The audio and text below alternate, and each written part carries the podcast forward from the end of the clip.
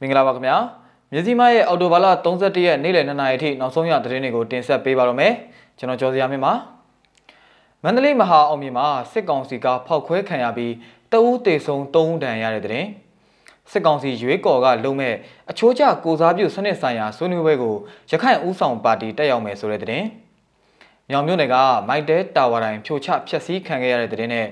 ကိုလံဘီယာကိုကာစိုက်ပျိုးသူတွေကတစားကန်ဖမ်းဆီးထားတဲ့စစ်သား180ကိုပြန်လွှတ်ပေးခဲ့တဲ့တဲ့အစရှိတဲ့ပြည်တွင်းနဲ့နိုင်ငံတကာသတင်းတွေကိုတင်ဆက်ပေးသွားတော့မှာဖြစ်ပါတယ်။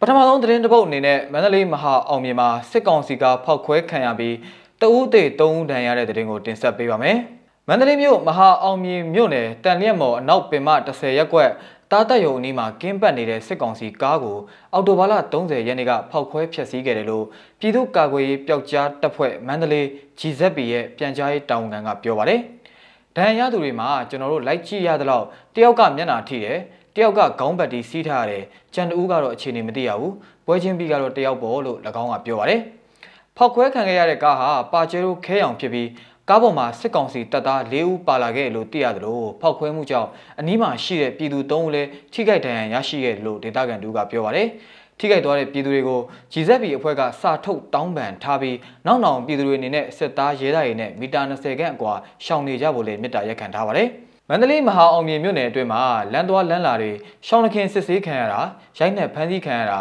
တပိတ်စစ်ကြောင်းတွေကိုကားနဲ့တိုက်ဖြုတ်ခွင်းခံရတာမီတာအကြောင်းပြကနေအိမ်တွေကိုဝင်ရောက်ဖမ်းဆီးခံရတာတွေခက်ဆစ်ဆစ်ဖြစ်လာနေတယ်လို့လည်းဒေသခံတွေတန်းကနေသိရပါတယ်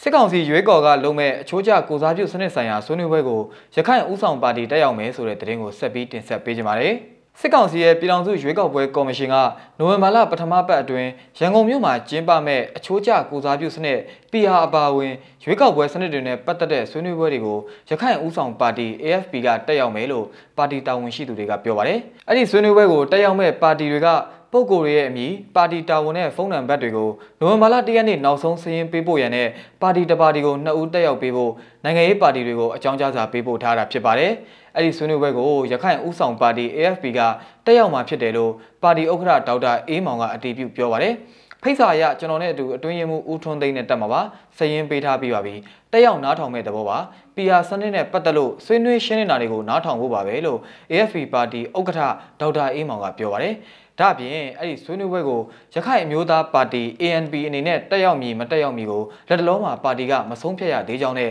ပါတီတွင်အမှုဆောင်အဖွဲ့ကဆွေးနွေးနေသေးဖြစ်တယ်လို့ပါတီဥက္ကဋ္ဌဦးတာထွန်းလာကဆိုပါတယ်။ AND ပါတီအနေနဲ့စစ်အာဏာရှင်စနစ်ကိုတော်၎င်းဒီမိုကရေစီအာဏာရှင်စနစ်ကိုတော်၎င်းလုံးဝလက်ခံသွားမှာမဟုတ်ကြောင်းဖေဖော်ဝါရီလ၁ရက်နေ့ကစစ်တပ်ကအာဏာသိမ်းပြီးနောက်ထုတ်ပြန်ထားပါတယ်။ မြန်မာနိုင်ငံမှာ2010 2015ခုနှစ်နဲ့2020ခုနှစ်တွေမှာကျင်းပခဲ့တဲ့အထွေထွေရွေးကောက်ပွဲတွေမှာမဲများသူအနိုင်ရတဲ့ရွေးကောက်ပွဲစနစ်ကိုသာကျင့်သုံးခဲ့တာဖြစ်ပါတယ်။အချိုးကျကိုစားပြုစနစ်မှာရွေးကောက်ပွဲတွေမှာနိုင်ရလေမရှိတဲ့ပါတီတွေလွှတ်တော်မှာပါဝင်လာစေခြင်းနဲ့စစ်တပ်ထောက်ခံမဲတွေတိုးပွားလာစေရန်ရည်ရွယ်ခြင်းဖြစ်နိုင်တယ်လို့သုံးသပ်သူတွေကဆိုပါတယ်။မြောင်မြို့နယ်ကမိုင်းတဲတာဝါတိုင်းဖြိုချဖျက်ဆီးခံရတဲ့တဲ့င်းနဲ့ဆက်ချင်ပါတယ်။ စကိုင်းတိုင်းမြောင်မြို့နယ်တွင်းကြီးကျေးရွာမှာရှိတဲ့မိုင်တဲတာဝါတိုင်းကိုအော်တိုဘာလ30ရက်နေ့ကမြောင်မြို့နယ်ပြည်သူ့ကာကွယ်ရေးအဖွဲ့တွေပူးပေါင်းပြီးမိုင်းခွဲဖျက်ဆီးခဲ့ပါတယ်။ရုပ်သံဖိုင်ကိုဖွင့်ပြခြင်းပါတယ်။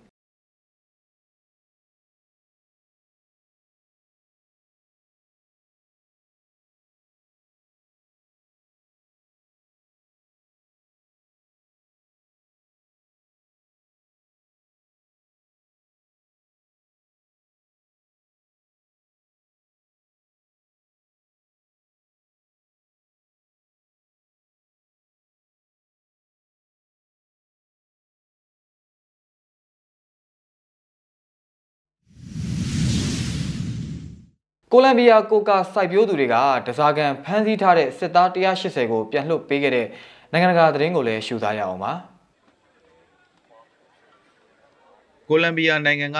ကိုကာစိုက်ပျိုးထုတ်လုပ်သူတွေဟာယခုသတင်းပတ်အစောပိုင်းကမူရစ်စေဝါနှိမ်နှင်းရေးစစ်စင်ရေးအတွင်းမှာတစားကန်ဖမ်းဆီးထားတဲ့စစ်သား180ဦးကိုတမဒအိုင်ဗင်ဒူကီရဲ့တောင်းဆိုမှုအပြီးအော်တိုဘာလ28ရက်ကြာသပတေးနေ့ကပြန်လွှတ်ပေးလိုက်ကြောင်းအစိုးရရဲ့ လူအခွင့်အရေးဆိုင်ရာတိုင်ကြားရေးရုံးရဲ့အရာရှိကထုတ်ပြန်ခဲ့ပါတယ်။ဗင်နီဇွဲလားနယ်စပ်အနီးကကိုကင်းထုတ်လုပ်ဖို့အတွက်စိုက်ပျိုးထားတဲ့အခင်းတွေကိုဖျက်ဆီးဖို့ရောက်လာတဲ့တပ်ဖွဲ့ဝင်တွေကိုအင်္ဂါနေ့ကဖမ်းဆီးလိုက်တာဖြစ်ပါတယ်။ဗိုလ်ချုပ်ကြီးအိုမာစီပူဘေဒါက